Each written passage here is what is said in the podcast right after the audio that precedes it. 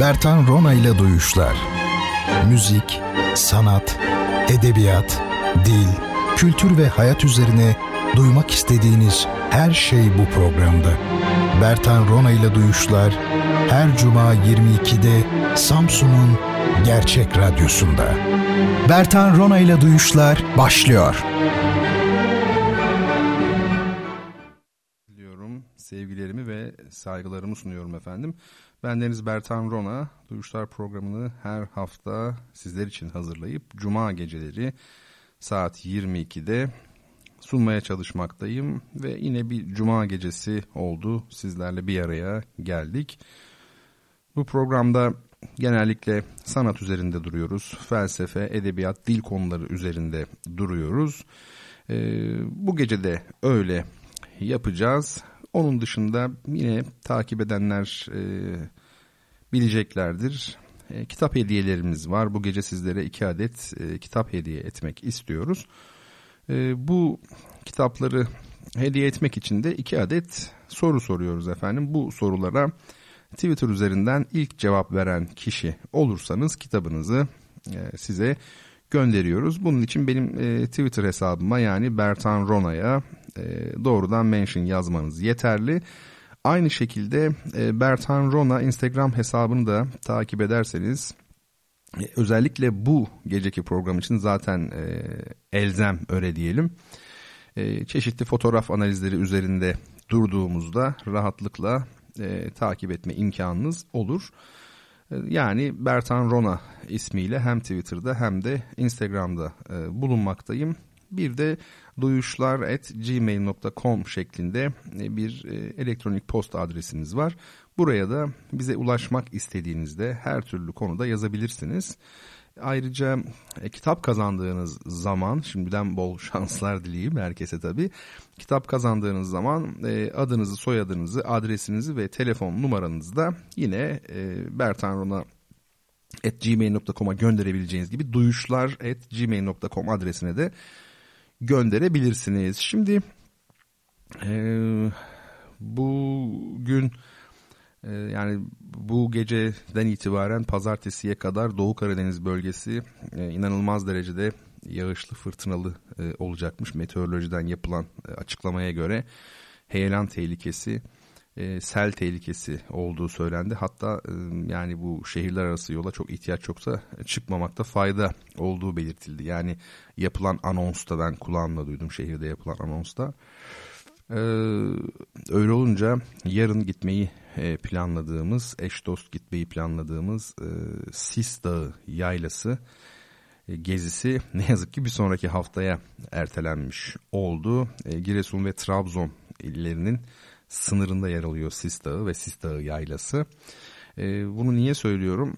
E, iki hafta kadar önce yanılmıyorsam Kümbet e, yaylasının bazı görüntülerini paylaşmıştım. Yine sezon başlıyor. Çeşitli yaylalarda ve bir takım işte kongreler dolayısıyla seyahat ettiğim için bazı öyle e, geçitlerden geçeceğim.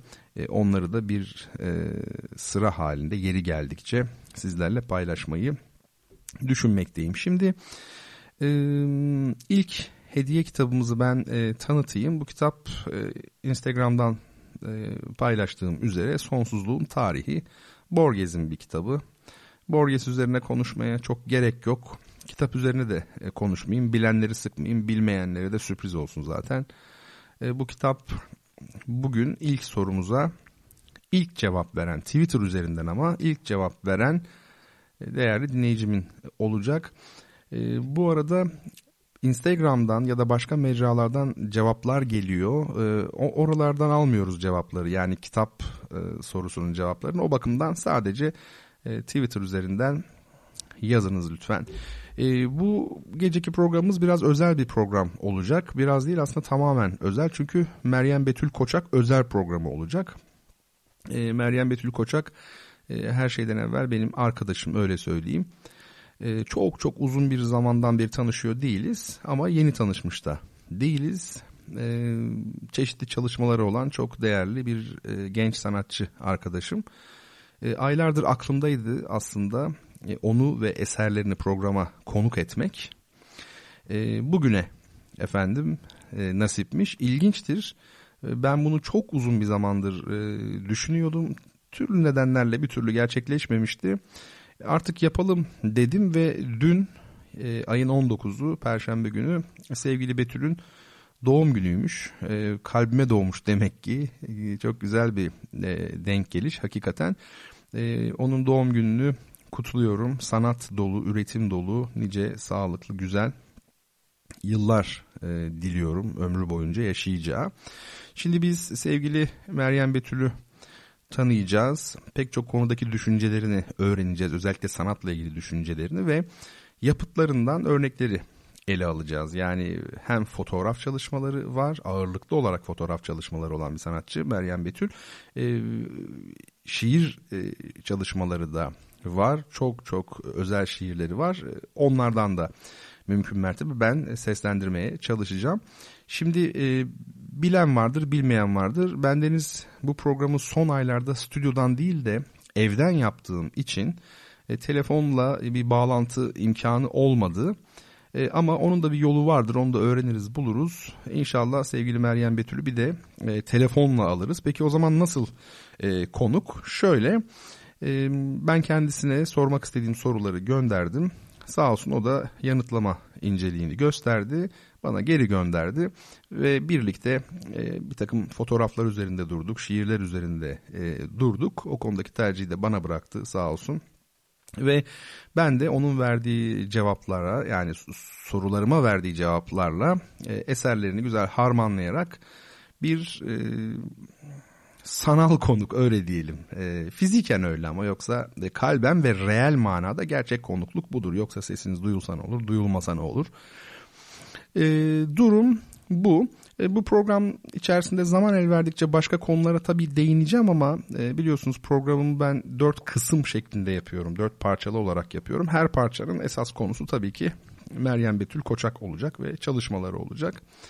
Şimdi e, başlamadan önce bir e, meseleyi söyleyeyim. Geçen haftalardan belki de geçen haftadan yarım kalan bir e, kavram vardı. Yaratmak. Bununla ilgili birkaç e, söz söyleyeceğimi ifade etmiştim. Şimdi e, yaratmak fiili aslında daha ziyade yaramak e, kökünden geliyor. Onu söyleyelim. Yaratmak. Şimdi bakın yaratmak çok enteresan bir fiil. Yoktan var etme. Bu aslında insanoğlunun çok uzun yıllar, yüzyıllar, bin yıllar pek akıl edebildiği bir şey değil, akıl edebildiği bir durum değil. E, o bakımdan yine okumak meselesinde olduğu gibi tek tanrılı dinlerin e, yoktan var edilen alem düşüncesi e, gündeme geldiğinde bir e, kelime gerekmiş. O kelimeyi de e, Türkler yaramaktan e, seçmişler. Yani yaramayı seçmişler. Ne demek yarama? Yaraşmak deriz ya. Yani bu senin üzerine uydu. Bakın dikkat edin burada yine bir terzi gibi kesip biçme, yaraşma meselesi var. Düzenleme meselesi var. Yani aslında yoktan yaratmayan veya şöyle diyelim kaosu düzene sokan, kozmos haline getiren, düzenleyen bir yaratıcı tasavvuru söz konusu. Yani halk eden öyle diyelim. Bu yani kesmek bölmek demektir ya o açıdan söylüyorum. Kozmosun zaten kozmetikle akraba olduğunu ve düzenlemek anlamına geldiğini, süslemek anlamına geldiğini söylemiştim. E, Tevrat şöyle başlıyor. Tevrat ve tabi doğal olarak İncil çünkü onlar eski ayet olarak kabul ettikleri için Tevrat'ı başlangıçta Tanrı yeri ve göğü yarattı. Şimdi çeviri okuyorsunuz çok güzel başlangıçta Tanrı yeri ve göğü yarattı. Siz bir ayet okumuş oldunuz bir pasuk yani. E ne güzel tamam diyorsunuz anladığınızı düşünüyorsunuz ama aslında oradaki yaratmak başlangıçta Tanrı yeri ve göğü yardı birbirinden ayırdı. Yani demek ki varmış bakın daha önce. Ee, Yahudilik tabi tek tanrılı bir din olsa da e, şöyle bir baktığınızda arkaik bir din aslında. E, geçmişte çok ciddi daha öncesiyle bağlantıları var öyle söyleyelim. Ve tabii süslersiniz, kesersiniz. Yani şöyle bir bütünü, bir size verilen kumaşı kesersiniz, biçersiniz değil mi? Yaraştırırsınız. Bir bu var. Bir de Sonuç nedir? Yani bundan kompozisyondur. Ama kompozisyon da parçaları birleştirmektir aslında. Orada da elinizdeki parçalarla en güzel bütünü oluşturursunuz. Aslında tam ters görünse de sonuç aynı. Birinde elinizdeki parçalarla bir bütün oluşturuyorsunuz. Yani kompozisyon, kompoze ediyorsunuz. Pozisyon vaaz etmek demek. Efendime söyleyeyim. Bir de bu kompozisyon olayının tam karşıtı gibi sanki var olan elimizdeki materyalin kesilip biçilmesi gibi değil mi? Yani terzi gibi diyoruz ama sonuçta ortaya çıkan e, ürün önemli. O bakımdan bu ürün kendi içinde uyumlu, düzenli, süslenmiş, tezyin edilmiş, müzeyyen e, bir yapıyla karşımıza çıkmış oluyor. Yani kün feyekün e, çok çok yeni. İnsanlık tarihine çok daha geniş bir projeksiyon tuttuğumuzda hani ol der olur. Bu tabii çok şey e, oldukça yeni olmuş oluyor. E, peki şimdi sevgili Meryem Betül Koç'a önce bir tanıyalım. E, bu e, bağlamda duyacağınız cümleler benim değil e, sevgili Betül'ün cümleleridir aslında. Kendini tanıtıyor. Çok sade bir şekilde kendini tanıtmış. Diyor ki 19 Eylül 1996 Üsküdar doğumluyum. Fatih Sultan Mehmet Vakıf Üniversitesi Türk Dili ve Edebiyatı mezunuyum diyor. Okulumda yeni Türk edebiyatında yüksek lisansa başlayacağım diyor. Herhalde ya başladı ya başlayacak bu sezon çünkü. Ee, edebiyatı, müziği, fotoğrafı, okumayı, yazmayı, gezmeyi, keşfetmeyi seviyorum. Ee, Allah herkese böyle bir hayat nasip etsin Betül'ün hayatı gibi. Yani değil mi edebiyatı, müziği, fotoğrafı, okumayı, yazmayı, gezmeyi, keşfetmeyi sevmek. Bunları sevmek aslında bizim e, şehirleşmeye başladığımızı da gösteriyor artık ülke olarak. Bu sadece Türkiye için geçerli değil, Çin için de geçerli. Yani e, sanayi devrimini geç yapmış pek çok e, toplum için ya da ıskalamış diyelim neredeyse tamamen işte bir köyden kente göç olgusu yaşayan pek çok e, toplumda e, yeni e, kuşaklar gittikçe artan bir hızda sanata, edebiyata e, meyyal bir hale geliyorlar. E, ben tabii sevgili Betül'ü sıkıştırdım bu bilgilerden sonra dedim ki peki tüm bunların ötesinde Meryem Betül Koçak kim? Yani değil mi?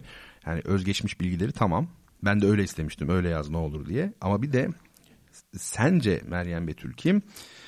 Ee, demiş ki birinin üzüntüsüyle hemen üzülen, sevinciyle hemen sevinen, insanların yüreklerine dokunmaya çalışan, iyi ve güzeli görmeye, göstermeye, yaymaya çalışan, yalnız kaldığında Hazreti Meryem'in hüznü ve suskunluğu ile yoğrulan ama insanların ara arasında enerjik ve konuşkan biri. Evet, ee, bu tabii başta belirttiği şeyler değil mi? En önemli şeyler aslında hepimiz için. Şöyle dönüp bakıyorsunuz insan hayatında iyilikten daha önemli aslında hiçbir şey e, yok. Yani ben bu yaşımda böyle düşünüyorum. Ve şunu sordum sevgili Betül'e. Fotoğrafa ne zaman başladın? O da dedi ki, demiş ki ortaokuldan beri çekiyorum ama ciddi manada üniversiteye başladığım yıl diyebilirim. Üniversite tabii insan hayatında pek çok şeyi değiştiriyor.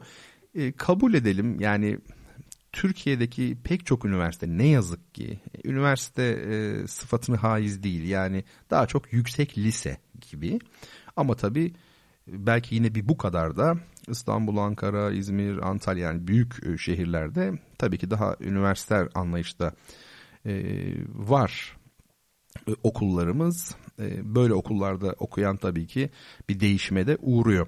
Şimdi bu soru önemli. Sevgili Meryem Betül Koçağa fotoğraf sizin için ne ifade ediyor diye sordum. Ya, klasik bir soru ama e, klasikler aslında klişe biliyorsunuz değil mi? Klişe klasik aynı kökten geliyor muhtemelen. Klişe gerçek olduğu için klişe olmuştu. Yani doğrudur. Şimdi bu soru çok klişe bir soru ama yani sorulması gereken ilk birkaç sorudan biri. Bakalım ne ifade ediyormuş fotoğraf. Diyor ki sevgili Betül, fotoğraf benim için bir yaşam tarzı aslında akıp giden, değişen insanların, mekanların, şehirlerin, zamanın arasından çekip çıkardığım bir an. Yaşadığımız her an bir saniye sonra geçmiş oluyor.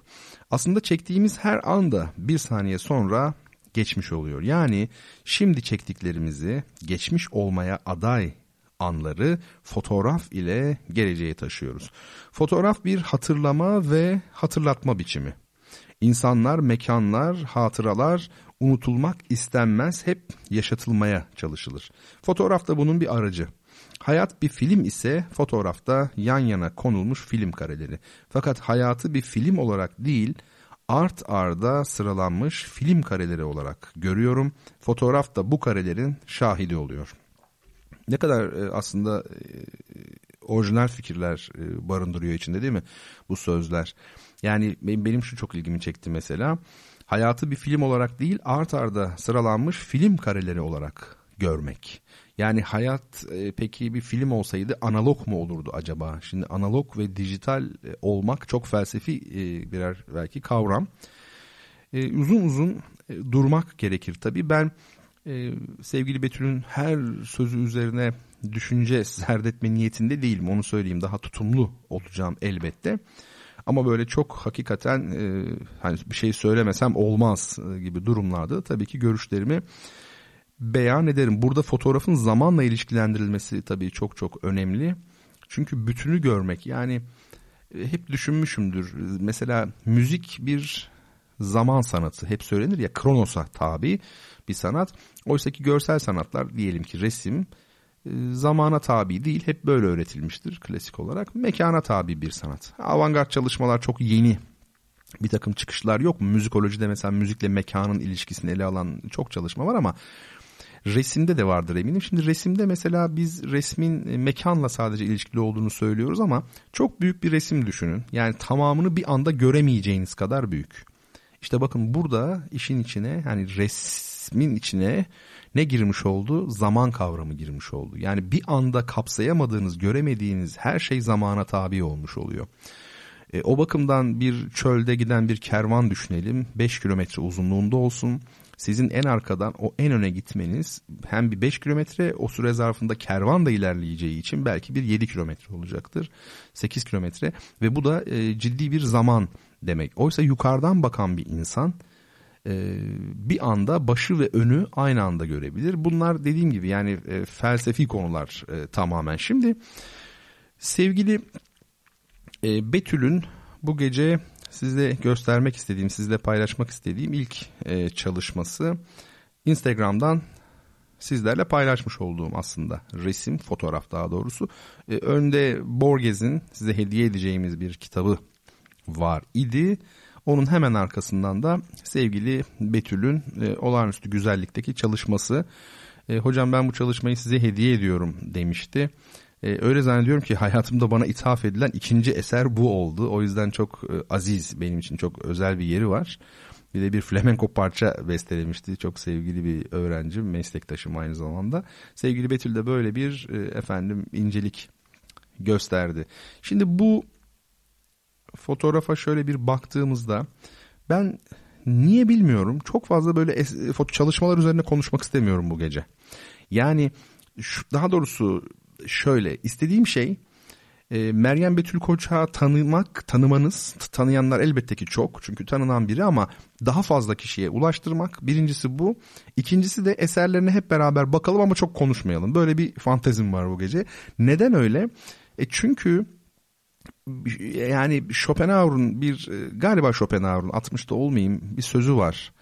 Ne diyor? E, bir sanat eseriyle karşı karşıya geldiğinde bir prense davranır gibi davran. Bırak önce o konuşsun. Öyle değil mi? Yani sanat eserleri e, kendilerini zaten çok şiddetle dışa vuran anlatan yapıtlar. O bakımdan şimdi programımızın konuğu da sevgili Betülken tutup da her fotoğraf üzerine çok uzun konuşmak istemiyorum.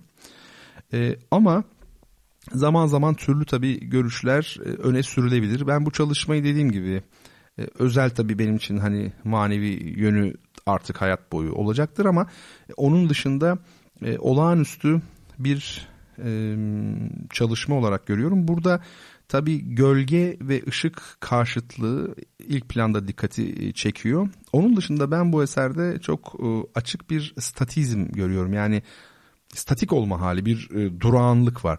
Şimdi diyeceksiniz ki e, hocam bu fotoğraf zaten.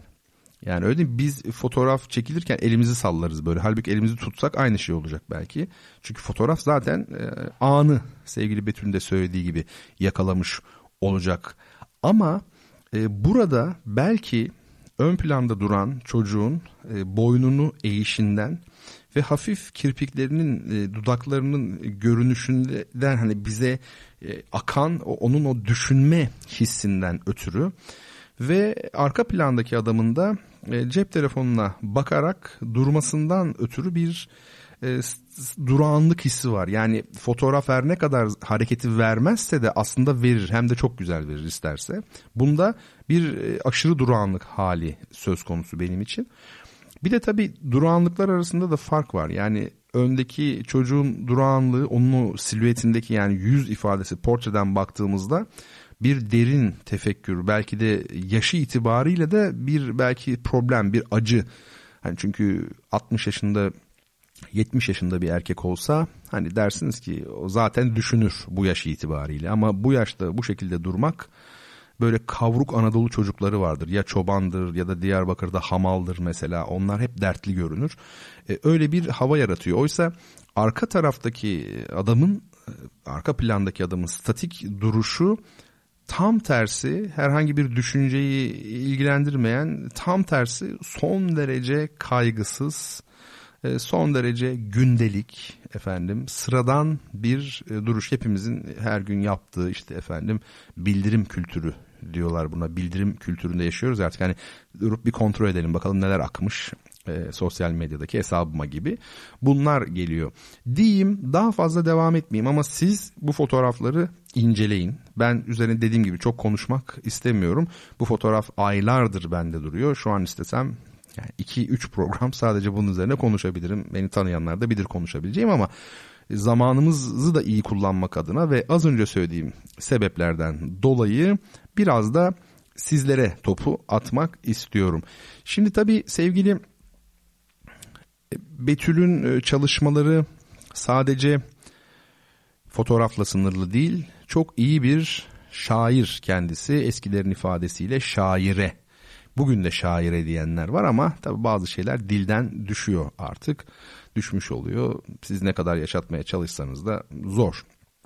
Şimdi onun çok güzel şiirlerinden bir tanesini seslendireyim. Arkasından da kitap hediyeli sorumuza giderek ilk e, bölümü tamamlayalım artık. Şöyle diyor sevgili Betül Garip Rüyalar Anatomisi adlı şiirinde.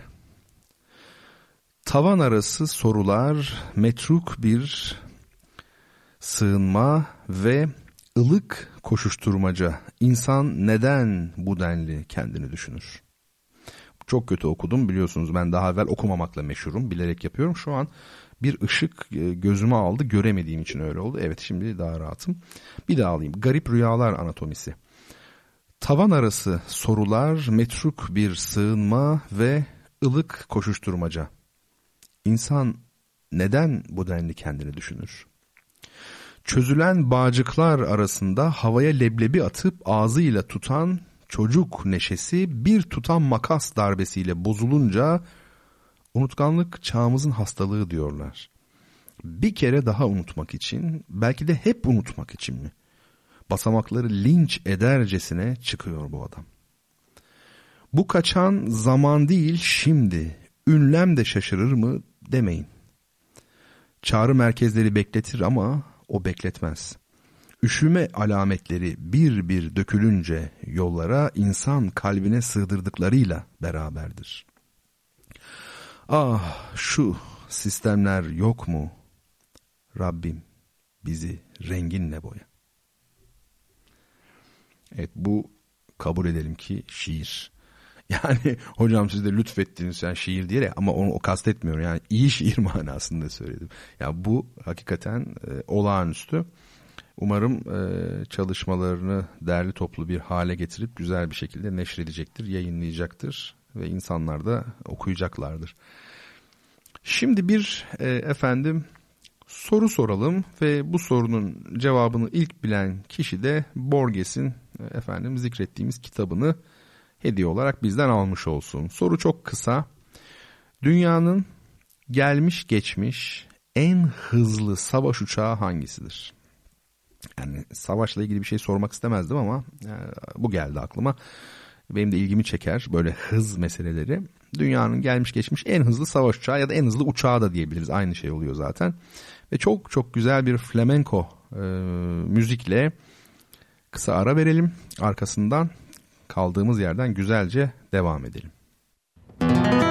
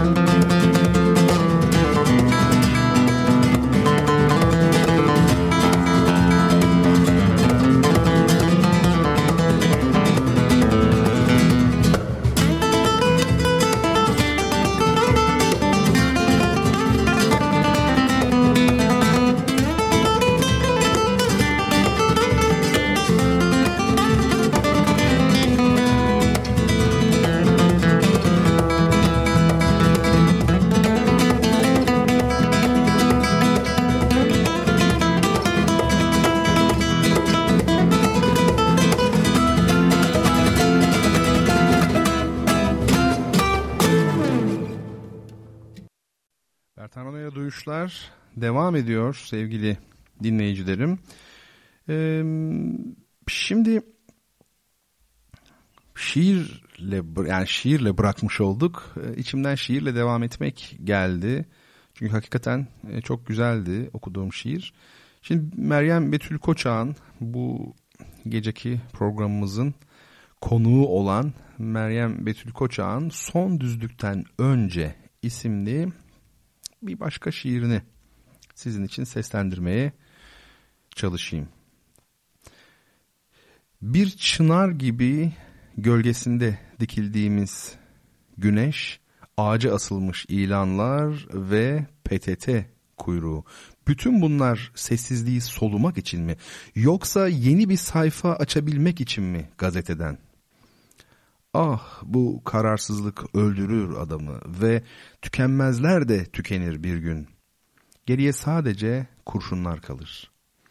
Vaktin namlusuna yüz çevirdi kullanmamak için biriktirdiğimiz eşyalar. Bir çocuk daha baka kaldı oyuncakçının önünde. Bir mum daha yakıldı gece konduda. Bütün bunlar olurken bilmem kaç katlı binalar yükseldi. Bilmem kaç yıllık ağaçlar kesildi. Derken zaman yine değişmedi ve biz bu çağı anlamaya kafa yormaktan geçemedik dikenli tellerin ötesine. Bir rüzgar savurdu bizi son düzlükten önce. Öyle bir rüzgar ki şemsiye kıran. Neyse bunları bir kenara bırakalım şimdi. Dünyayı, çocukları ve gece konduları da.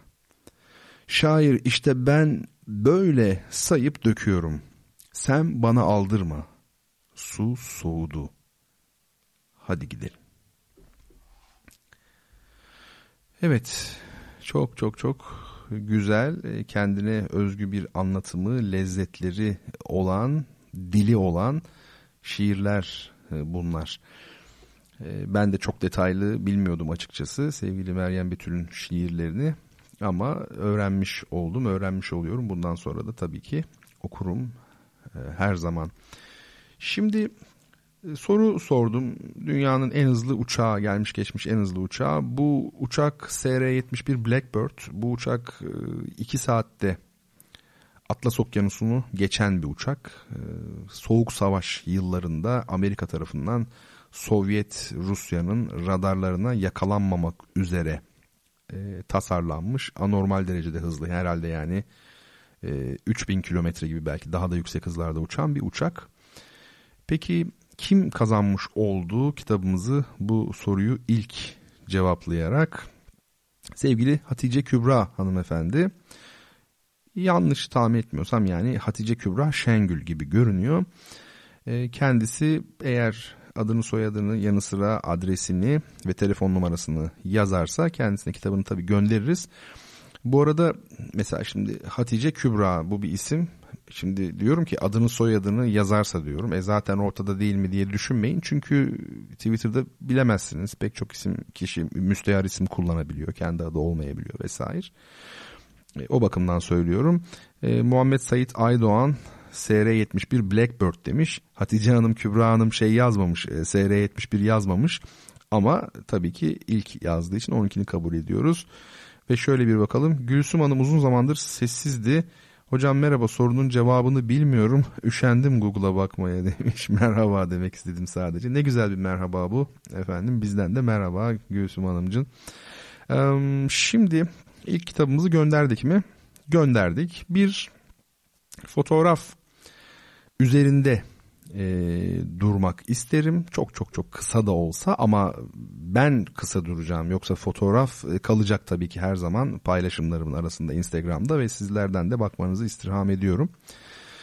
Zaten hemen kendini e, çeken fotoğraflar bunlar. Şimdi sevgili Meryem Betül Koçak'ın yine bir çalışması. Burada ne görüyoruz? Aslında bir banliyö burası. Çünkü arkadaki apartman öyle gösteriyor. Yani şey, banliyö ne demek? Şehrin dış kısımları demek. Dış mahalleler olabilir.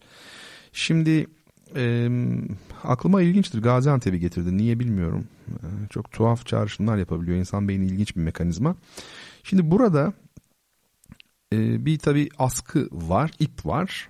Efendime söyleyeyim. Askıya asılmış e, elbiseler ipe takılmışlar. Tamam bunu görüyoruz efendim. Başka ne var? E, orada bir afiş deyin, işte hiçbir önemi yok aslında. Billboard deyin, ne derseniz deyin. Bir e, belli bir artık yaşta olan bir hanımefendinin e, tebessüm ettiğini ya da güldüğünü görüyoruz. Sol eli arkada. E, çok böyle zarif bir şeyi var. E, kıyafeti var. Altta zaten reklam falan ne olduğu yazıyor. Ben özellikle onlardan bahsetmiyorum. Şimdi ön taraftaki bir kere metal nesne yoğunluğu da e, ilginç bir hava veriyor. E, bu fotoğrafla ilgili çok şey konuşulabilir ama ben ilk gördüğümde aklıma ne gelmişti biliyor musunuz? Artık bunları da söyleyeyim de yani biz bu adamı artık yatıralım hastaneye falan. Sağlıklı değil falan.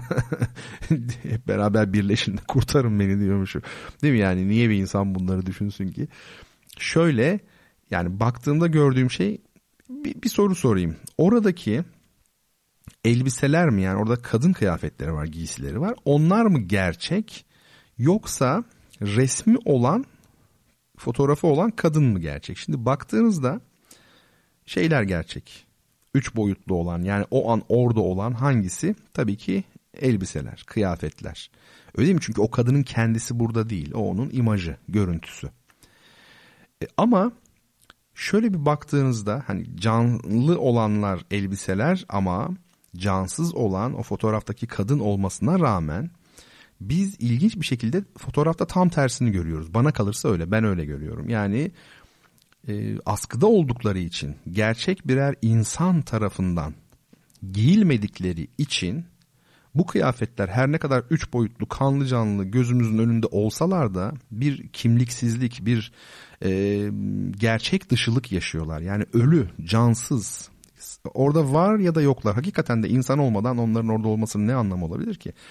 Ama e, yaşlı hanımefendiye bak baktığınızda o kendisi şu an burada değil. Onun fotoğrafı var ama öyle candan bir şekilde tebessüm etmiş ki o çok daha gerçek gelebiliyor. Burada insanın ne demek olduğu yani her şeyin insan için olduğu düşüncesine aslında vurgu yapmak istedim. Ee, bugün bir şey yazdım e, sosyal medyada paylaştım. Yani sanat sanat için midir toplum için midir tartışması vardı. Yani yıllardır devam eden hep duyduğumuz çocukluğumuzdan itibaren ben sanat insan içindir diyorum. Ne demek? Çok basit. Um, yani bu şimdi sanat toplum içindir ne demek? İnsanı sadece toplumsal yönüyle kabul eden özellikle böyle totaliter e, sistemlerde çok ön planda olan bir aslında e, düşüncenin ifadesi. Öyle değil mi? Sanat toplum içindir. Yani gerçekçi olmalıdır, toplumun gidişatını yansıtmalıdır, e, hep sosyal konulardan bahsetmelidir vesaire. Bu bir uç. Öbür uç nedir? Sanat sanat içindir. Bu da şiir sadece musikidir. Yani şiir anlattığı değildir. Şiir sestir. Ya da efendim insanların e, salt estetik beğenileri için sanat yapılır. Ha şimdi ikisi için de sanat yapılmaz mı? Evet yapılabilir. Yapıldı da toplumcu gerçekçi eserler verilmedi mi? Sovyet Rusya'da verildi. Peki bunlar kötü eserler miydi? Hayır. Bir kısmı olağanüstü gerçekten. Peki Ahmet Haşim'in şiirlerine kötü mü diyeceğiz? Hayır. Yani aşırı bireysel e, olan e, sanatçılar, edebiyatçıların eserlerini beğenmeyecek miyiz? Kötü mü onlar? Hayır. Ancak ben de diyorum ki işte sanat insan içindir. Ve bu insanın hem toplumsal yönü vardır hem de bireysel yönü vardır. Hem psikolojik yönü vardır vesaire vesaire. O bakımdan sanat bütünüyle ele alında ele alındığında genel manada insan için üretilmiş oluyor. Ee, sevgili e, Meryem Betül e, bu aslında çalışmalarından güzel böyle bir tabi şimdi sorular sordum ona hangi tekniklerle çekiyorsun filan vesaire verdiği cevapları filan da biliyorum ama e, keşke böyle imkan olsa da güzel böyle bir bir yolu bulunup bir sergi haline getirilse e, çok da güzel olur açıkçası. Peki şimdi ben sordum e, nasıl fotoğraf çekiyorsunuz diye tam yeri geldi hakikaten de.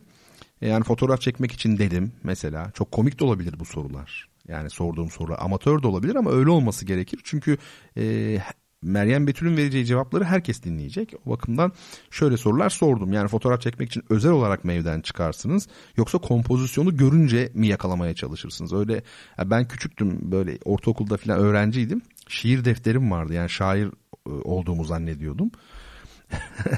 İzmir'de Karşıyaka'da şiir yazmaya sahile gidiyordum. Çok sevimli değil mi? Yani tabii defterim var oraya filan böyle şiir filan e, ya, küçüktüm yani çok küçüktüm o zaman bir kıza işte aşık olmuştum. E, bir daha da hiç karşılaşmayacağımız bir kız. Ondan sonra bir defter yapmışım onunla ilgili. İşte o, onunla ilgili her gece işte gökyüzüne bakıyormuşum da bir yıldıza bakıyormuşum filan. İnanılmaz böyle romantik şeyler. Yaşım 12 filan. E ne kadar aslında şey e, bozulmamış, el değmemiş duygular. E, keşke hep öyle kalabilsek. Şimdi o bakımdan yani fotoğraf nasıl çekiyorsunuz derken açma ihtiyacı duydum. Şöyle demiş e, birkaç kere arkadaşımla fotoğraf çekmek için çıktığımız gezileri saymazsak fotoğraf çekmek için evden çıkmam. Evet. Genelde bir işim olur evden çıkarım ve gözüme kestirdiğim bir kare olursa çekerim. E, fotoğraf çekmek amaçlı evden çıkmasam da evden çıkmam fotoğraf çekmeme yeterli oluyor. Çünkü hayatın yani bir akışın içindeyiz. Fotoğraf da bunun bir parçası aslında. Fotoğraf çeksem de çekmesem de o akış devam ediyor edecek. Evet şimdi zannediyorum anlat, anlaşılmıştır yani sorularım çok anlamsız görünebilir diye neden söylediğim bu verilen cevapla bu ortaya çıkıyor. Yoksa tabii ki böyle bir cevap geleceğini tahmin ediyor idim. Şimdi şöyle güzel bir soru var. Biraz daha çünkü somutlaştıracak düşüncelerimizi. Teknik olarak hangi cihaz ve yöntemleri kullanarak fotoğraf çekiyorsunuz? Çağımızda bu konuda alternatif ve e, imkanlar çok e, çeşitlendi dedim. E, şimdi diyor ki sevgili Meryem Betül burası bence çok çok önemli. Profesyonel kameram yok. Telefon kamerası ile çekiyorum. Aynı kareyi farklı açılardan çekmeyi deniyorum. Çektikten sonra aslına yakın renk düzenlemesi ve gerekirse kırpma yapıyorum. Renk düzenlemesini bir kenara koyarsak Photoshop tarzı uygulamaların fotoğrafı bozduğunu düşünüyorum. Genel olarak fotoğrafın orijinaline sadık kalmaya çalışıyorum manzara, portre ve benzeri fotoğraflar çeksem de karelerimde insanın olmasına özen gösteriyorum. İnsan fotoğrafa mana veriyor, ruh katıyor. Az önce söylediğim e, noktada buluşmuş olduk. İnsan değil mi o yoksa hiçbir anlamı yok demiştik. Bir daha alayım bu cümleyi. İnsan fotoğrafa mana veriyor, ruh katıyor fakat bir kurgu oluşturmak, poz verdirmek fotoğrafın doğallığını bozuyor. Kısacası içinde insanın olduğu doğal ve farklı kareler yakalamaya çalışıyorum demiş. Devam edelim benim ilgimi çekti e, bu sorulara verilen cevaplar. Yani zaten ilgimi çekmişti de şu an itibariyle tekrar ilgimi çekti onu anlatmaya çalışıyorum. En çok beğendiğiniz fotoğraf sanatçıları kimlerdir neden? Şimdi bu sorunun e, cevabını yani sevgili Meryem Betül Koçak'ın buna ne cevap verdiğini size aktarmadan önce şunu söyleyeyim. E, fotoğraf şeyle telefonla çekiyorum e, diyor ya şimdi artık öyle bir noktaya geldi ki bakın bir şey söyleyeyim size hatırlıyor musunuz 1990'larda e, dünya şampiyonu satrançta Gary Kasparov var meşhur. Tarihin en büyük oyuncusu diyenler var ona. E, Gary Kasparov bir e, özel bilgisayarla maç yaptı. 6 maçlık galiba bir dizi yaptı. Ve o bilgisayarın adı Deep Blue idi. Ve Kasparov yani dünya şampiyonu onu yendi. Değil mi? 4-2 kazandı. Fakat aradan birkaç yıl galiba 2-3 yıl geçtikten sonra bu bilgisayarın çok daha gelişmişi üretildi. Bunun adı da Deeper Blue'du. Daha derin mavi yani. Ve Kasparov bu bilgisayarla maçtı, yaptığı maçı kaybetti. İlk defa bir dünya şampiyonu bir bilgisayara yenildi tarihte. İlk defa. Ve Kasparov itiraz etmişti o zaman. Dedi ki bu kesinlikle yani ben bilgisayarla oynamadım. Yani bilgisayar e, hamle yapmış olsa bile arka planda çok büyük 5-6 tane kuvvetli usta var filan demişti. Neyse bu önemli değil. Şimdi şunu diyeceğim. O kocaman bir bilgisayardı. Yani dünya şampiyonunu yendiği olay olan, dünya şampiyonunu alt etmesi olay olan bilgisayar kocamandı. Bugün nasıl biliyor musunuz? Bugün bugünkü şampiyon, dünya şampiyonu e, Gary Kasparov'dan daha iyi bir oyuncu. Yani anlatabiliyor muyum? Aynı yaşta olsalar bile yenerdi onu. Fakat şu an bugünkü dünya şampiyonunu bile e, rahatlıkla alt edecek bilgisayar programları cep telefonu uygulaması olarak indiriliyor. Yani şu anki dünya şampiyonu kot pantolonunu giyip sokakta yürürken Finlandiyalı bir şampiyon Magnus Carlsen o kot pantolonla yürürken eğer cep telefonunu e, arka cebine bu şekilde taktıysa orada kendisini yenebilecek bir şey taşıyor. Yani bu inanılır gibi değil.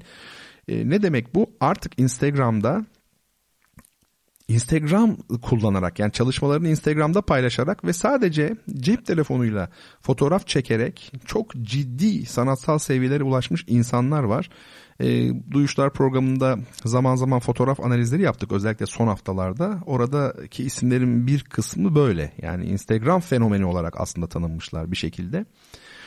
Ee, tabii dediğim gibi yani fotoğrafların duyurulması ayrı bir konu. Fotoğrafların çekilmesi ayrı bir konu hani Ara Güler'e atfedilen bir söz var ya en iyi makine en iyi fotoğrafı çekseydi en iyi daktilo en iyi romanı yazardı diye. Şüphesiz öyle yani e, neden? E, çünkü insan çekiyor.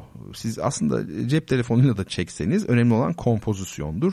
E zaten görüyorsunuz e, sevgili Betül'ün çektiği fotoğraflarda ortada. Şimdi ne diyor idik? En çok beğendiğiniz fotoğraf sanatçıları kimlerdir ve neden? Ee, enli soruları genel olarak sevmiyorum. Çünkü birden fazla cevabı oluyor. Ee, Magnum fotoğrafın sanatçılarını takip etmeye çalışıyorum. Instagram'da takip ettiğim bazı fotoğrafçılar var. Bir isim vermek gerekirse Ha, Henri Cartier-Bresson tabii o efsanevi bir isimden bahsediyoruz. Hakkında bir kitap okumuştum. Fotoğraf zihinsel şey bir Henri ya da Henri Cartier-Bresson kavrayışı. Kiminmiş? Tufan Palalı. Bresson'un zen felsefesiyle fotoğrafı nasıl birleştirdiğine dair bir kitap çok etkilenmiştim diyor. Harika çünkü felsefeyle beslenmeden sanatçı olma imkanı e, yok. Ben Beethoven'ın yazdığı bir mektubu okumuştum. Göte'ye e, söyleyin bu sözlerimi diye ona haber yani ona düşüncelerini aktarıyor. Dehşete düşmüştüm. Bu adam besteci mi felsefeci mi diye. Neden? E öyle işte. Bütün büyük sanatçılar e, böyle olur. Çünkü sanat da düşünmenin bir çeşidi aslında. Şimdi şöyle dedim bu aşırı bir klişe soru. Bunu ben çekmeliydim dediğiniz fotoğraflar var mı? Varsa hangileri? İtiraf edeyim. Bu soru bir zamanlar bana sorulmuştu. Oradan aklıma geldi. Ben yazsaydım keşke dediğiniz kitaplar var mı gibi ben de galiba çok böyle haddimi aşan bir cevap vermiştim o zaman. E şöyle demiş sevgili Betül. Evet bazen denk geliyor. Fotoğraf çekmek için gezmek lazım. Bazı köy fotoğrafları, yurt dışındaki bazı kareler ya da berber, kahvehane gibi halkın, esnafın bulunduğu güzel karelere denk geliyorum. Keşke ben çekseydim diyorum. Yine isim vermek gerekirse Ara Güler'in kareleri diyebilirim.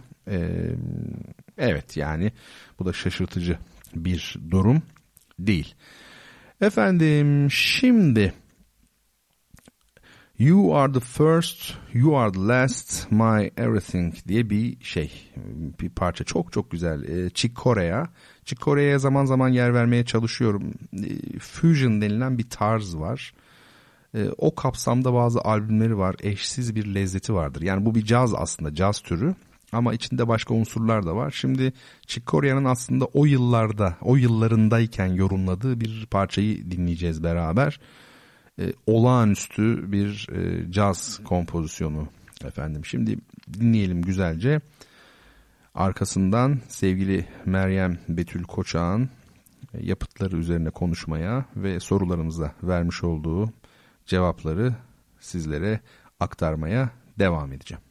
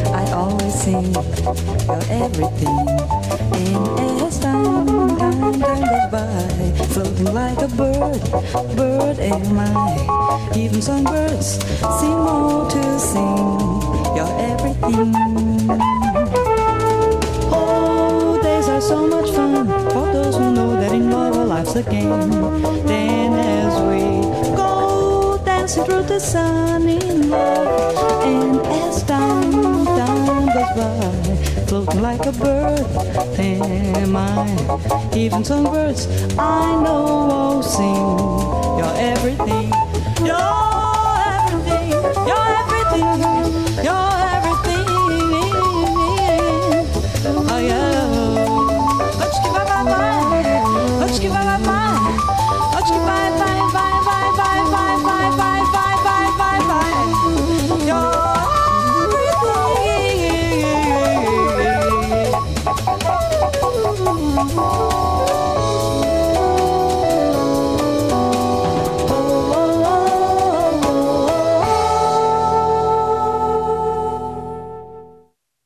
Efendim Bertan Rona ile Duyuşlar programındasınız. Her hafta Cuma geceleri saat 22'de randevulaşıp edebiyatın, sanatın, kültürün, dilin ve hayatın nabzını tutmaya çalıştığımız Bertan Rona ile Duyuşlar programının ikinci yarısında bu gece sizlerle birlikteyiz efendim.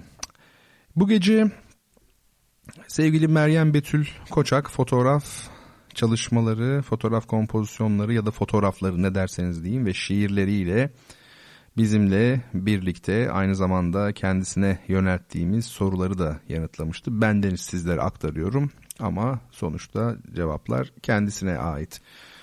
Ee, şimdi bir başka fotoğraf yine e, sevgili Betül'ün çalışmaları arasından seçtiğimiz bu fotoğrafı da sizler için yükledim Instagram'a. Şöyle bir e, bakalım ne görüyoruz ne görmüyoruz diye oldukça e, aslında yalın bir kompozisyon. Yani hem yalın hem karmaşık bir taraftan. Karmaşık olması belki asimetriden kaynaklanıyor. Yani o ön plandaki mesela sandalyelerin ayakları binalarla diagonal bir şekilde yani 45 derecelik bir açı yapacak şekilde duruyor. Bu anlamda bu pencere sayısının abartılı derecede fazla olması filan vesaire o sandalyelerin karmaşası genel manada bir karmaşa veriyor ama e, sonuçta baktığınızda gerçek e, manada 3 tane de figür var sadece. 2 tane bina bir tane de koltuk ve sandalye. Ne derseniz deyin veya başka bir şey. Araba mı o? Hiç önemi yok yani. Önde duran ben o kümülasyondan yığışmadan bahsediyorum. Burada e, ilginç bir şey. Biz tabi ev eşyası e, dediğimiz eşyaları sadece kullanmıyoruz. E, onlarla hiç farkında olmadığımız, çoğu zaman farkında olmadığımız, çoğumuzun farkında olmadığı diyelim bir ilişki içerisine de giriyoruz aslında. şöyle söyleyelim. Mesela bu konuların ne kadar önemli konular olduğunu anlayabilmek için eğer örnek vermek gerekirse şunu söyleyebilirim. E, eskiden yaşı şöyle yani 30 üzeri olanlar, 40 civarı ve ondan üstü olanlar tabii ki e, çok çok iyi bilirler. Eski arabalar mesela nasıldı? Tofaş arabalar vardı ya da Renault'lar vardı Türkiye'de. Öyle değil Muratlar vardı mesela 70'lerde varmış Muratlar işte 80'lerde falan hala onlar vardı. Özal dönemine kadar pek yabancı araba e, girmedi Türkiye azdı yani. Şimdi o arabalara baktığınızda böyle ön tarafında işte şey böyle hani o ne diyor deniyor ona böyle yünlü bir şey koyuyorlar ya böyle işte efendim süslemişler camı falan böyle bir şeyler var falan. Yani adamın sanki evi gibi. Neden öyle? E çünkü adam onu 20 yıl 30 yıl kullanacak yani evi gibi olabilir. Çünkü o araba değişmeyecek kolay kolay. Ev gibiydi çünkü gerçekten de öyleydi. Ama şimdiki arabalara bakıyorsunuz. Tabii teknik olarak çok daha üstün modeller ama öyle değil mi? Yani evimiz gibi hissedemiyoruz. Neden? Bir süre sonra çünkü değişecek. 3 yıl 5 yıl sonra. Bozulsa e, kaputu açıp motorunu yapamazsınız. Tamamen kapalı. Yani sadece servisi yapabiliyor. Şimdi e, evdeki eşyalara baktığınızda da böyle aslında. Yani 5 yıl sonra 3 yıl sonra değişecek bir bilgisayar, televizyon veya koltuk takımı ile kurduğunuz ilişki başkadır. E, hiç değişmeyecek olanla kurduğumuz ilişki bir zamanlar başkaydı. Bu tabii bir çeşit e, bir çeşit değil ciddi bir yabancılaşmayı beraberinde getirir ve kısmi bir şizofreniyi ben hastalık adı olarak da söylemek istemiyorum. Bu rahatsızlıktan çok çeken e, insanlar var. Yani ama o bilinç yarılmasını ifade etmek için mecbur kaldım. Yani nesnel gerçeklikle bağ kopmaya başlar bir süre sonra. Çevrenizdeki hiçbir şeyle bir e, duygusal e, bir ilişkiniz olmaz. Bir empatik bir durum yaşayamazsınız yani. O bakımdan yani bu eşya meseleleri önemli. Bu mesela işte sandalyelerin dışarıda olması, sokakta olması bana her zaman ilginç bir hava vermiştir. Eminim siz de bunu hissetmiştir. Yani hissettiğiniz çok olmuştur gördüğünüz zaman. Sokakta mesela bir kanepe.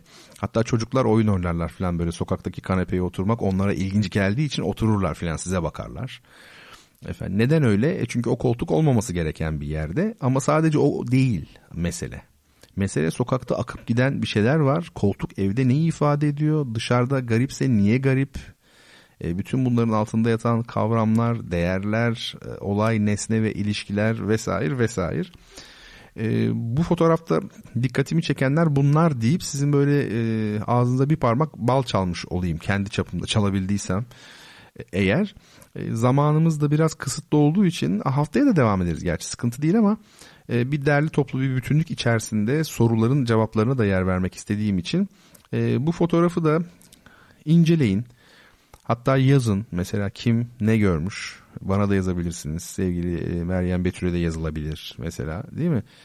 Ben e, önümüzdeki zaman diliminde bu tür çalışmaları ele alan bir kitap düşünüyorum. Mesela sevgili Betül'ün de izni olursa bu tür şeyler mesela bu kompozisyonlar da olabilir içerisinde. Akıl akıldan üstün yani ben e, Twitter'da böyle yazdığım şeyler e, çoğu insan böyle çok uf vay canına falan iyi hani böyle entelektüel şeyler falan gibi geliyor ama ben yazdığımdan daha çok öğreniyorum yani. Ben çünkü yapılan yorumları okuyorum. Hakikaten hiç düşünmediğim şeyler. Geçen gün e, çok sevgili bir takipçim o kadar güzel bir şey yazmış ki. Yani dedim kendine değer vermeyen bir insan dedim hani şey yapamazsınız. Hani kendine say, sevip saymayan bir kişiyi sevip sayamazsınız filan dedim. O öyle güzel bir ek yapmış ki sizi de değerleş, değersizleştirir demiş. Yani sadece kendini değil sizi de daha beter hale getirir diye. Böyle çok güzel ekler oluyor. Ee, tabii öğreniyorum yani yoksa sosyal medyayı niye kullanayım yani. Elimden gelse telefonu zaten hiç kullanmam ama e, mecburiyetler var. Şimdi güzel de bir e, şiir e, okuduk. O şiirler harika hakikaten. E, birbirinden e, güzel şiirler. Şimdi e, bir başka şiirine yer verelim. Ee, sevgili Meryem Betül'ün Koşma ama bunu az önce okuduk. Son kısımda o zaman hadi son şiiri okuyalım. Ee, şimdi ben ikinci hediye kitabımı tanıtayım sizlere. Bu kitap İstanbul yazıları, kent ve mimari üzerine düşünceler ee, Sinan Genim'in bir çalışması. Çok sevgili bir arkadaşım bana önerdi bu akşamki kitapları sordum kendisine. Yani dedim ya e, hediye edecek kitap ne var mı aklında güzel bir şeyler söyle bana. Ben çünkü daha güncel kitapları pek bilmiyorum. E, hakikaten de güzel öneriler bunlar. Borges zaten belki bir klasik ama Bu İstanbul yazıları kent ve mimari üzerine düşünceler herhalde bu programda verilmiş en yeni ürün yani düşünce ürünü üretim anlamında söylüyorum. Soru şu 1976 Montreal Olimpiyat oyunlarında jüriden daha önce bir defa bile alınamamış olan 10 tam puanı alarak 7 ayrı jüri üyesinden yani birinden bile alınamamış 10 tam puanın 7 ayrı jüri üyesinin tamamından 10 almış. E, bu 10 puan alarak tüm dünyayı hayrete düşüren ünlü jimnastikçi kimdir? Şöyle söyleyeyim size 10 tam puan ne demek biliyor musunuz jimnastikte o branşta? Board var ya board aldığı puanı gösteren. Onun aldığı puanlar 1 diye yazıldı 76'da. Niye biliyor musunuz? Çünkü board'da 10 yoktu. O kadar imkansız ki 10 yok. Nasılsa bu sporda 10 alınamaz düşüncesiyle. O 7'sinden birden 10 alıyor aynı anda. Bu şey gibi düşünün yani bir futbol maçında e, bir takım bir takıma 100 gol atıyor ama 99'da bittiği için scoreboard yani 100 yok. 100 gol olabilir mi? Futbolda olamaz. Ama işte scoreboardda olmayan e, bir şey yapmış oluyor. Kimdir bu ünlü jimnastikçi? Ve şimdi beni çok çok etkileyen, çok sevdiğim bir e, anonim Doğu Karadeniz müziği dinleyelim. Olağanüstüdür böyle gerçekten yürek paralar.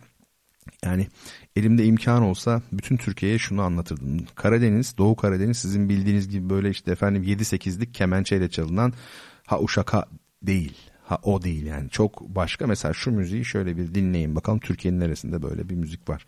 Efendim son bölümde beraber olacağız.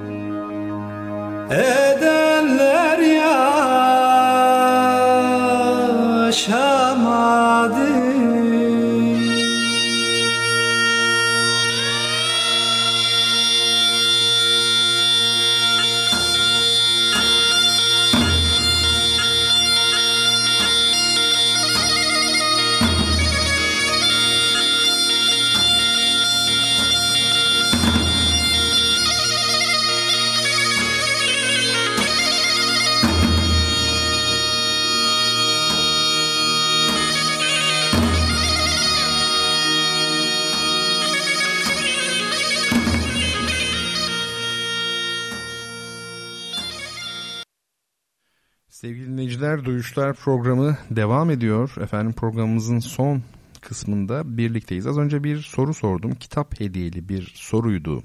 Bu 76 Montreal Olimpiyat oyunlarında 10 tam puanı 7 jüri üyesinden alarak e, inanılmaz bir başarı elde eden jimnastikçi kimdir e, demiştik. Aslında hepinizin bildiği bir isim belli bir yaşın üstündekilerin e, kesinlikle bildiği bir isim Nadia Comaneci. Evet Şener Şen'in Fenerbahçeli Cemil, Bridget Bardo, Taçsız Kral Pele ve Nadia Comaneci diyor ya işte Nadia Comaneci. Ee, şimdi doğru cevabı veren e, sevgili Mesture Hanım olmuş. Sevgili Mesture Hanım umarım iyisinizdir. Her şey yolundadır. E, adresiniz bizde mevcut diyebiliyorum. Ama siz yine de ihtimale binaen yazınız veya bir değişiklik olmuştur belki.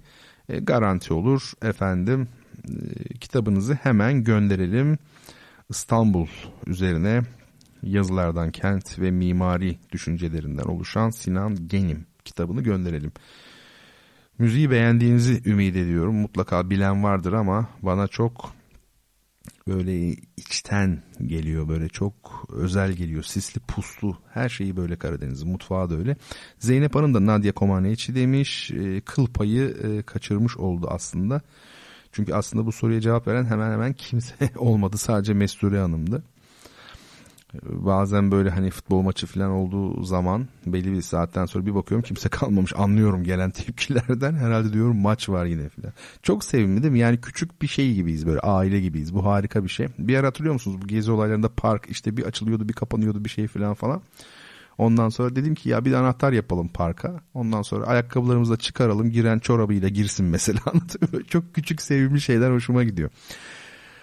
Neyse evet şimdi efendim bir e, fotoğraf paylaştım. Bu fotoğraf e, sevgili Betül'ün çalışmaları içerisinde en çok sevdiklerimden biri. Burada Ayasofya e, Camii'ni görüyoruz ve tabii iki tane de çocuk görüyoruz. Bir de ne var? Küçük bir işte efendim havuz var. E, fıskiye artık son yıllarda dilimizde fışkiye olarak telaffuz edilen e, fıskiye var. Şimdi bu çok beğendiğim bir fotoğraf. Ben renkli fotoğraflar seçtim genellikle Betül'ün çalışmaları arasından. Çünkü dinamik geldi bana. Yani siyah beyaz tabii ki iyisi iyidir. Nitekim öyle de seçtim. Ama bu çalışmalar, bu renklendirme falan bence çok güzel, çok başarılı. E şimdi burada bir kere ilk kontrast dikkatimi çeken Ayasofya'nın ben bir zamanlar şöyle yazmıştım. Ayasofya zamandan etkilenmez zamanın kendisidir diye yazmıştım. Ayasofya'nın o işte 1500 yıllık hadi diyelim tamam bu yapı 1500 yıl değil ama bunun yerindekiyle beraber düşünecek olsak 1500 yıldır orada Ayasofya var. 532'den beri çünkü. Bu eserin yani bu yapının bu zamana bu kadar direnen bu kadar kadim yönüne karşı orada yaklaşık işte 5 yaşında 6 yaşında 7 yaşında iki tane erkek çocuğu var. Biri çok eski biri çok yeni. Böyle bir karşıtlık şüphesiz var. Ayasofya renksiz görünüyor. Çocuklar oldukça renkli. Bir de Ayasofya tabii bir e, taşıl yani sonuçta bir taş e, bir mimariden durağan bir yapıdan bahsediyoruz. E, ama oradaki su mesela minarelere nazire yaparcasına adeta değil mi? Aynı zamanda tecellide tekrar olmadığını da ifade edercesine ve belki de bu düşünceden hareketle bizim statik olduğunu zannettiğimiz Ayasofya'nın da her an değişmekte olduğunu e, ortaya koyarcasına yükselmiş durumda. Suyun rengi de çok güzel. Şimdi burada belki şaşıracağınız bir şey e, söyleyeceğim. E, yani biraz da ayıp olacak belki ama hani e, bu su e, çıkıyor ya böyle efendim e, fıskiyeden çıkmış böyle yukarı doğru. E, o soldaki çocuğun e, açısıyla yani duruşuyla ona şöyle baktığımız zaman çok da bir karikatürize edilmiş, abartılmış bir şekilde söylüyorum. Af buyurun sanki çocuk hani bevle diyor gibi, çişini yapıyor gibi. Hani çok ilginç değil mi? Çocuk olmak mesela ayıp olan bazı şeyler çocuklarda ayıp değildir mesela. Çişini yapmak. Çocuk çünkü küçük işte yapar falan. Öyle yani otobüs durur mesela çişi gelmiş çocuğun gibi. Şimdi diyeceksiniz ki bu nereden çıktı? Bu şuradan çıktı. Şimdi bizim dilimizde bir tabir var mesela sidik yarıştırmak diye. Bu niye kullanılır? Af buyurun tabii hani bunları böyle söylüyorum. Şimdi niye kullanılır bu? Efendim e, çok anlamsız saçma e, konularda efendim karşı taraf hiç istemediği halde onun e, belki haberi bile yokken onunla mücadeleye giren insanlar için yani sidik yarıştırmak falan deriz ya. Şimdi Peki bu deyim nereden alındı? Yani bu nereden mülhem? E nereden? İşte gerçek anlamda, reel anlamda e, sidik yarıştıran çocuklardan. Peki çocuklar niye böyle şeyler yaparlar? Niye yaparlar? Çünkü çocuk salt nefstir. Nefs, nefs. Çocuk salt nefs. Akıl henüz çocukta gelişmediği için e, çocuk o bakımdan çocuğa öğretim değil de eğitim uygulanır. Yani talim değil terbiye. Neden? Ee, yani teşbihte hata olmasın hayvanlara yapılanın benzeri aslında. Çünkü bir hayvana siz bir şeyi yani şöyle diyemezsiniz mesela. Bak şuradan geçersen şu şu şu olur o yüzden buradan geçme canın yanar. Öyle değil mi? Nasıl peki olur? Aynı davranışı tekrarla tekrar tekrar uygulayarak olur. O bakımdan baktığımızda da e, bir e, terbiyeden, bir eğitimden e, söz edebiliriz. E, çocuklar da dediğim gibi e, akıl gelişmediği için salt nefstir aslında çocuk. Aklı sadece yani var olan aklı sadece zevk almaya yöneliktir. O sadece zevk almak ister. Her anama hele küçük bir çocuksa 7-24. Hani hatta böyle işte bir buçuk yaşında iki yaşında böyle bebek çocuk arası olanlara baktığımızda 10 saniye bile şöyle bir oturup sırtını dayayıp durmaz. Yani mutlaka zevk almak ister. E, çocuk eşittir nefs. Hani vardır ya böyle bir para bulurlar da o parayı alıp böyle 7-8 tane e, afacan kafadar giderler böyle hafif şehrin dışında böyle bir tepelikte uzanıp falan işte atıyorum çikolata veya işte dondurma yerler falan. Zevk çocuklar zevki çok iyi bilir. Erik e, ağaçlarına tırmanırlar, erik alırlar falan yerler gibi. E, tabii bir tarafta salt nefs dediğimiz gibi çocuk, öbür tarafta da salt ruhaniyet görünüyor. Yani Ayasofya dediğimiz yapı. E, bu fotoğraf bu açıdan bakıldığında kontrastlarla birlikte e, var. Tabii şunu da gösteriyor aynı zamanda bizim e, aslında gün içerisinde belki de geçtiğimiz defalarca geçtiğimiz mekanlarda falan neler neler varmış da biz onun farkında değiliz. Onu ancak işte Meryem Betül Koçak gibi sanatçılar dondurduğu zaman biz e, üzerine bu yorumları belki yapabiliyoruz. Bu da işin bir başka boyutu. Şimdi e, sevgili Betül'ün cevaplarına bayağı bir ara vermiş olduk. Biraz devam edelim. E, edebiyat üzerine biraz konuştuk. Dedim ki Betül'cüm ilk şiirlerini ne zaman yazdın? Lisedeyken yazdım dedi. Çok öyle kısa bir cevap vermiş. Peki dedim şiir senin için ne ifade ediyor? Hani e, fotoğraf şey yapıyor ya siz söyleyin adını ifade ediyor ya onu sorduk. Peki şiir ne ifade ediyor? E, buna verdiği cevap sevgili Betül'ün şöyle hem fotoğraf hem de müzikle ilgilenen biri olarak diyebilirim ki şiir hepsinden öte ayrı bir yeri var benim yanımda. Belki edebiyat okuduğumdan kaynaklanıyor olabilir. Şiir bazen bahar dalı gibi kalbime konuyor, neşe veriyor çocuklar gibi. Şen şarkılar gibi yüreğime. Burası şiir gibi olmuş zaten. Bazense bir mağara oluyor sığındırım, sığındığım. Tabiri caizse Sevr mağarasını koruyan örümcek gibi. Kuyuya düştüğümde beni çekip çıkaran bir el oluyor kimi zamansa. Peki bir başka soru. En beğendiğiniz şairler kimlerdir? Ben de artık yani öyle sorular sormuşum ki neden demişim. Ama amacım Betül'ü tanımanız. Ee, yine enli bir soru demiş. Güzel olmuş. Eni olan enli bir soru. Şimdi bu arada biz bazı kelimelerin anlamını yanlış biliyoruz. Mesela engin. Biliyorsunuz engin aslında gerçekte ingin demek. Aşağısı demektir ama sonradan bir anlam değişikliği olmuş tabi. Demiş ki en çok sevdiği şairler en başta Yunus Emre. Daha sonra Fuzuli, Şeyh Galip, Yahya Kemal, Ahmet Haşim, Mehmet Akif, Necip Fazıl, Nazım Hikmet, İsmet Özel, Sezai Karakoç, Cahit Zarifoğlu, Turgut Uyar, Cemal Süreya, Gülten Akın, Ahmet Murat ve daha bir sürü şair listeyi uzatmak mümkün. Evet burada bu çok güzel bir şey. Yani hem Necip Fazıl var hem Nazım Hikmet var. Bu harika bir şey. Hem İsmet Özel var hem Gülten Akın var. Ee, hakikaten kucaklayabilmek lazım genç bir sanatçı olarak inanç ile sanat arasındaki bağı nasıl kuruyorsunuz? Herhalde programımızın en önemli anlarından biri bu. Modern zamanlarda bu ilişkiyi kurmayı başarabilen sanatçı sayısı gerçekten az demişim. Sanat ile inanç arasındaki, din arasındaki ilişkiyi nasıl kuruyorsunuz? Şöyle demiş sevgili Betül. İnanç ve sanat ilişkisini iki yönden ele alabiliriz. Birincisi inanca kültür yani medeniyet olarak bakan sanatçılar. Çoğu sanatçı inanmasa bile medeniyetimizin kültürel kodlarını malzeme olarak kullanıyor. İkincisi ise sanatçı sanatı sani ve bedi böyle yapıyormuşum ben de. Ayn ile bedi ya ben böyle beyin fırtınası yaşıyorum. E, kendime geldim tekrar edeceğim bu cümleyi.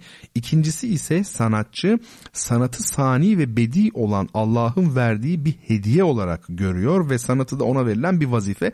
İşte e, Necip Fazıl'ın çile sinde ön sözünde onun bahsettiği gibi mutlak hakikat Allah'tır diyor. E, yani şiir yazmak amacı nedir? Edebiyat amacı e, hakikati bulmaktır. Mutlak hakikat Allah'tır demiş oluyor. Şimdi e, Betül de sanatçıları gördüğü bildiklerini ikiye ayırmış oldu. Bu da ikinci grup diyor. Burada sanatçı bazen inancını paylaşmak, yaymak için kullanıyor sanatını. Bazen de zaten sanatını inancı doğrultusunda icra ettiği için o yolda ilerlemiş oluyor. Aslında burada anlatmak istediğim şey şu. Bir şeyin başına İslami veya dini etiketlerini getirmek onu dini yapmıyor ki. Onu dini yapmıyor. Ki bana kalırsa zaten ortaya konulan her şey bunu kapsamış oluyor. Bir diğer mesele ise inanç, din adı altında estetiği göz ardı edip sloganik yaklaşımı sanat zannedenler oluyor. Sanat bu değil. Sanat inancı, medeniyeti ve yaşanılan çağı estetik ile harmanlamaktır. İnanç ise sanatın hem parçası hem de sanatı kapsayan bir sistem. Daha doğrusu bir bağ.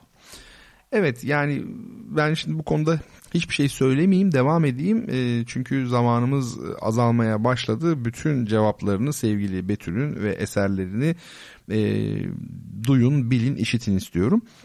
Bir soru daha sormuşum. Türk toplumunda yaşayan bir kadın olmak fotoğrafçı olarak gözünüzü, görüşünüzü nasıl etkiliyor? Bu sorumu sevdim yani. Bu soru hakikaten e, soru gibi soru.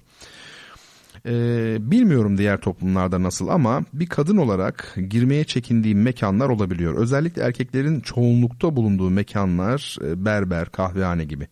Aslında kadın veya erkekten ziyade insanlar ne tepki verir, kızan olur mu diye çekindiğim zamanlar da oluyor. İzin istesem veya haber versem doğallığı bozulur diye düşünüyorum. Haber vermesem rahatsız olur mu acaba diyorum. Bu ikilemde kalıp bazen çekemediğim kareler oluyor. Hiç hiç e, şüphe etmiyorum yani. Söylediğin çok sık eminim yaşanan bir şey. E, şöyle sormuşum uzun bir soru. Millet olarak görsel kültürden çok sözlü kültürün egemen olduğu bir geçmişimiz var. Modern anlamda sanata yeni yeni alışan, belki de alışmaya çalışan bir toplumuz. Bu durumun sizin fotoğraf çalışmalarınızdaki etkisi nedir? İnsanlar kompozisyonlarınıza ne tür tepkiler veriyorlar? El cevap şöyle demiş sevgili Betül. Görsel kültürün ön planda olmasının artı ve eksi yönleri bir arada. Tüketim çağında olduğumuz için maruz kaldığımız çok görsel oluyor. Bu da değerli olanların değersizlerin arasında kaybolmasına sebep olabiliyor ya da çok sayıda eser olunca kalıcılığı da azalabiliyor. Öte yandan uzun e, uzun öte yandan uzun uzun bir şeyler yazmak yerine bir çizimin, karikatürün etkisinin büyük olabileceği gibi fotoğrafın da etkisi büyük ve çarpıcı olabiliyor. Beni takip edenlerden, yakın çevremden genel manada iyi yorumlar alıyorum. Hatta bazen benden esinlenip fotoğraf çekenler ya da bu senin karen olmalı, tam senlik bir kare diyenler oluyor. Bu da beni mutlu ediyor. Yavaş yavaş özgünlüğümü kazandığımı düşünüyorum. Karelerimin farklı bir ruhu ve hoş renkleri olduğunu söyleyenler çoğunlukta. Ne güzel.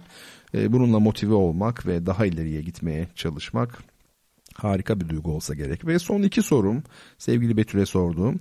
Şöyle sormuşum. Şiir ile fotoğraf e, bu farklı yönleriyle Meryem Betül Koçak'ı nasıl etkiliyor veya Meryem Betül Koçak'ta nasıl bir araya geliyor? Çünkü hem şiirleri var hem fotoğraf çalışmaları var. Şöyle cevap vermiş. Şiirin fotoğrafı, fotoğrafın da şiiri beslediğini düşünüyorum. Aslında her bir sanat dalı ve sosyal bilim birbirini besliyor. Çünkü her birinde bir diğerinin yansımasını veya ipucunu görmek mümkün.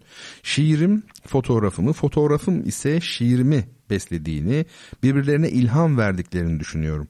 Şiirde fotoğrafın renklerini, fotoğrafta ise şiirin sesini duyabiliyoruz.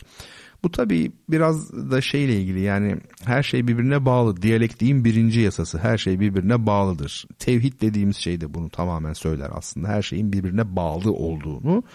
Bu da doğal bir sonuç. Elbette ki farklı disiplinler bir arada zaten mukayeseli alanlar, interdisipliner çalışmalar çok yaygın bilim dünyasında son 20-30 yılda. Son sorum şu olmuş. Şu an Fatih Sultan Mehmet Vakıf Üniversitesi'nde Yeni Türk Edebiyatı'nda yüksek lisans yapmaktasınız. Bazı edebiyat dergilerine de yazdınız. Yani yazıları, çalışmaları var sevgili Betül onu kastediyorum. Gelecekle ilgili planlarınız nelerdir? Bir sergi veya kitap mesela olabilir mi diye. E şöyle demiş sevgili Betül, akademik olarak yeni Türk edebiyatına katkı sağlayacak çalışmalarda bulunmak, öğrencilerimin kalbine dokunmak istiyorum. Daha önce fakültemde hocamla ortaklaşa bir fotoğraf sergisi açtık. Kısmet olursa yine fakültemde kişisel bir sergi açmak istiyorum. Belki kameram olursa yine fakültemde yanlış okudum. Belki kameram olur, teknik bilgileri öğrenip daha da ilerletirsem yurt içinde ve dışında e, farklı çalışmalara da katılırım. E, şiire uzun bir ara verdim. İlk şiir kitabım çıktı demeyi çok isterdim. Bilmem nasip olur mu?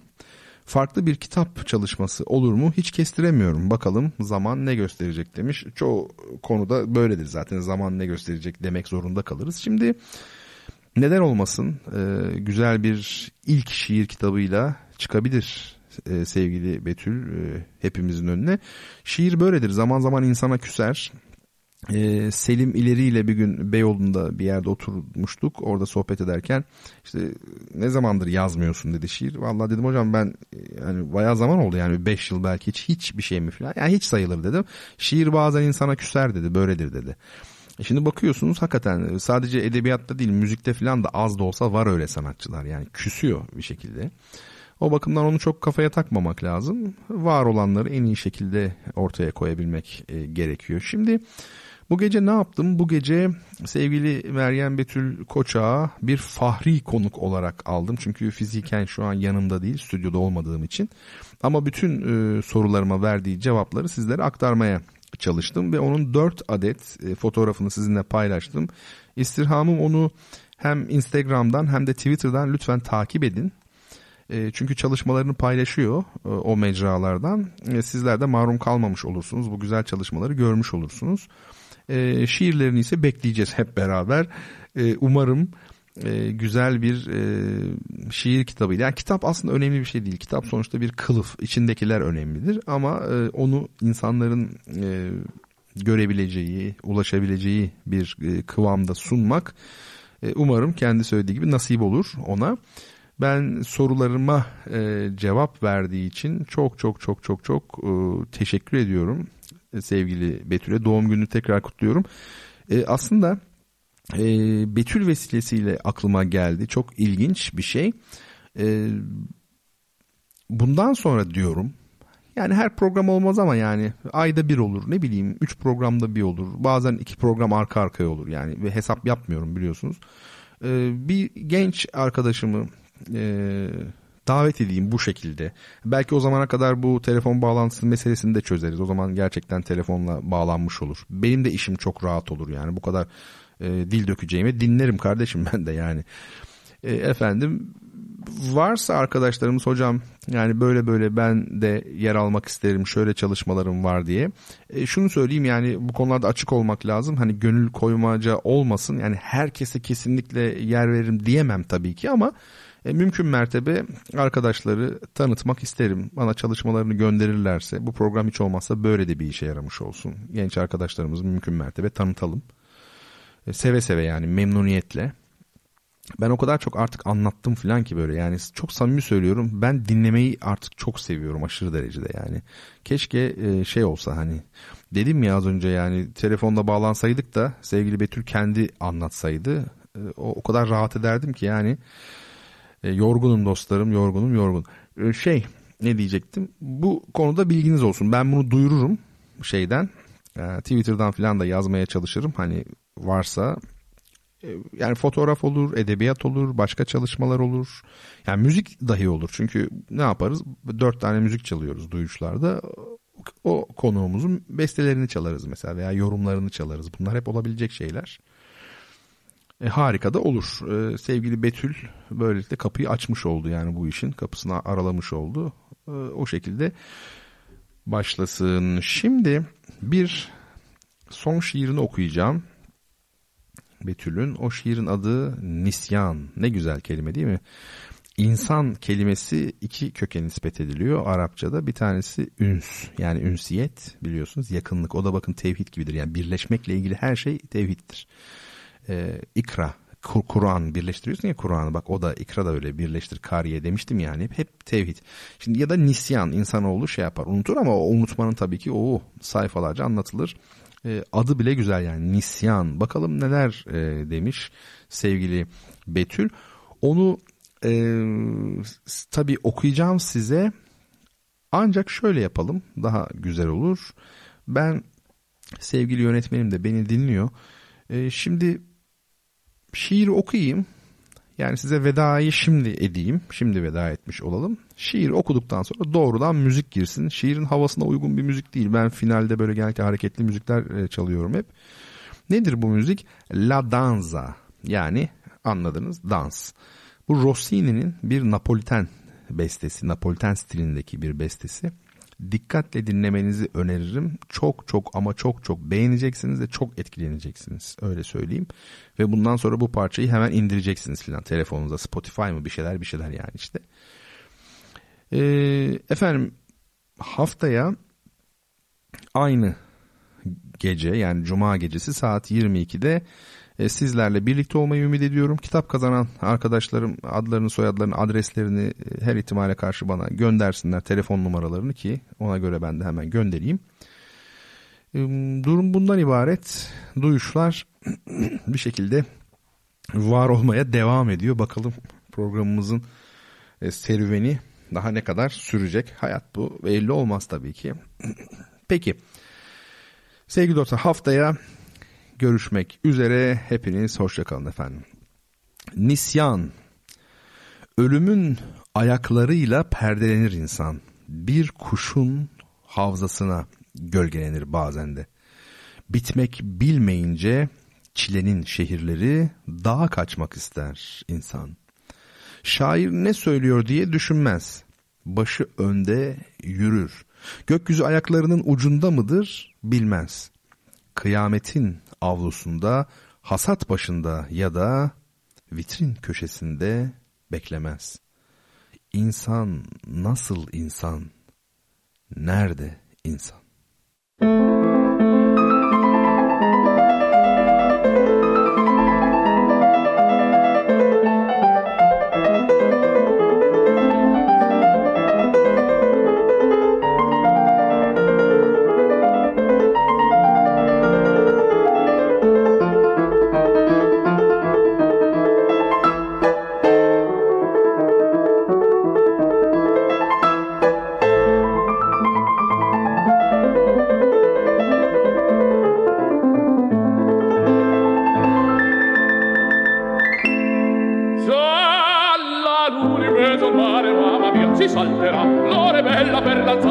l'amor non mancherà gialla l'universo mare mamma mia si salterà. L'ora è bella per danzare che in amor non mancherà. Gialla l'universo al mare mamma mia si salterà serra in danza tondo tondo donne donneria venite qua un garzon bello e giocondo a ciascuno toccherà finché in ciel brilla una stella e la luna splenderà il più bel con la più bella tutta notte balzerà, mamma mia mamma mia già la luna in mezzo al mare mamma mia mamma mia mamma mia si salterà frinche frinche frinche frinche frinche frinche frinche mamma mia si salterà frinche frinche frinche frinche frinche frinche mamma mia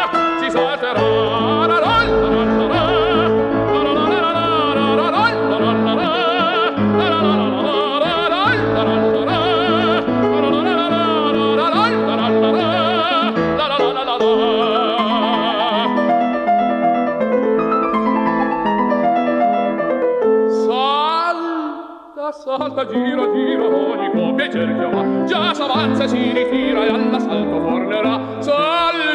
calda gira gira ogni coppi cerchio va già s'avanza e si ritira e alla salvo tornerà già s'avanza e si ritira e alla salvo tornerà serra serra con la bionda con la bruna va coerà con la rossa va seconda con la scorta fermo sta viva il mondo tondo tondo sono un re sono un pascià il più bel piacer del mondo la cara rotta mamma mia mamma mia già la luna in mezzo al mare mamma mia mamma mia mamma mia si salterà che frinche frinche frinche frinche frinche mamma mia si salterà frinche frinche frinche frinche frinche frinche mamma mia si salterà la la la la la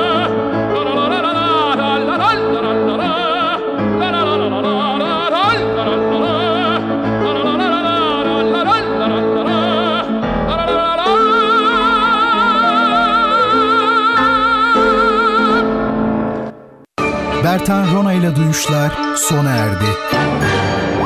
Bu program hakkındaki düşüncelerinizi dinleyen et radyogercek.com adresine mail atarak bize ulaştırabilirsiniz. Dinlemiş olduğunuz programda ürün yerleştirme yapılmıştır.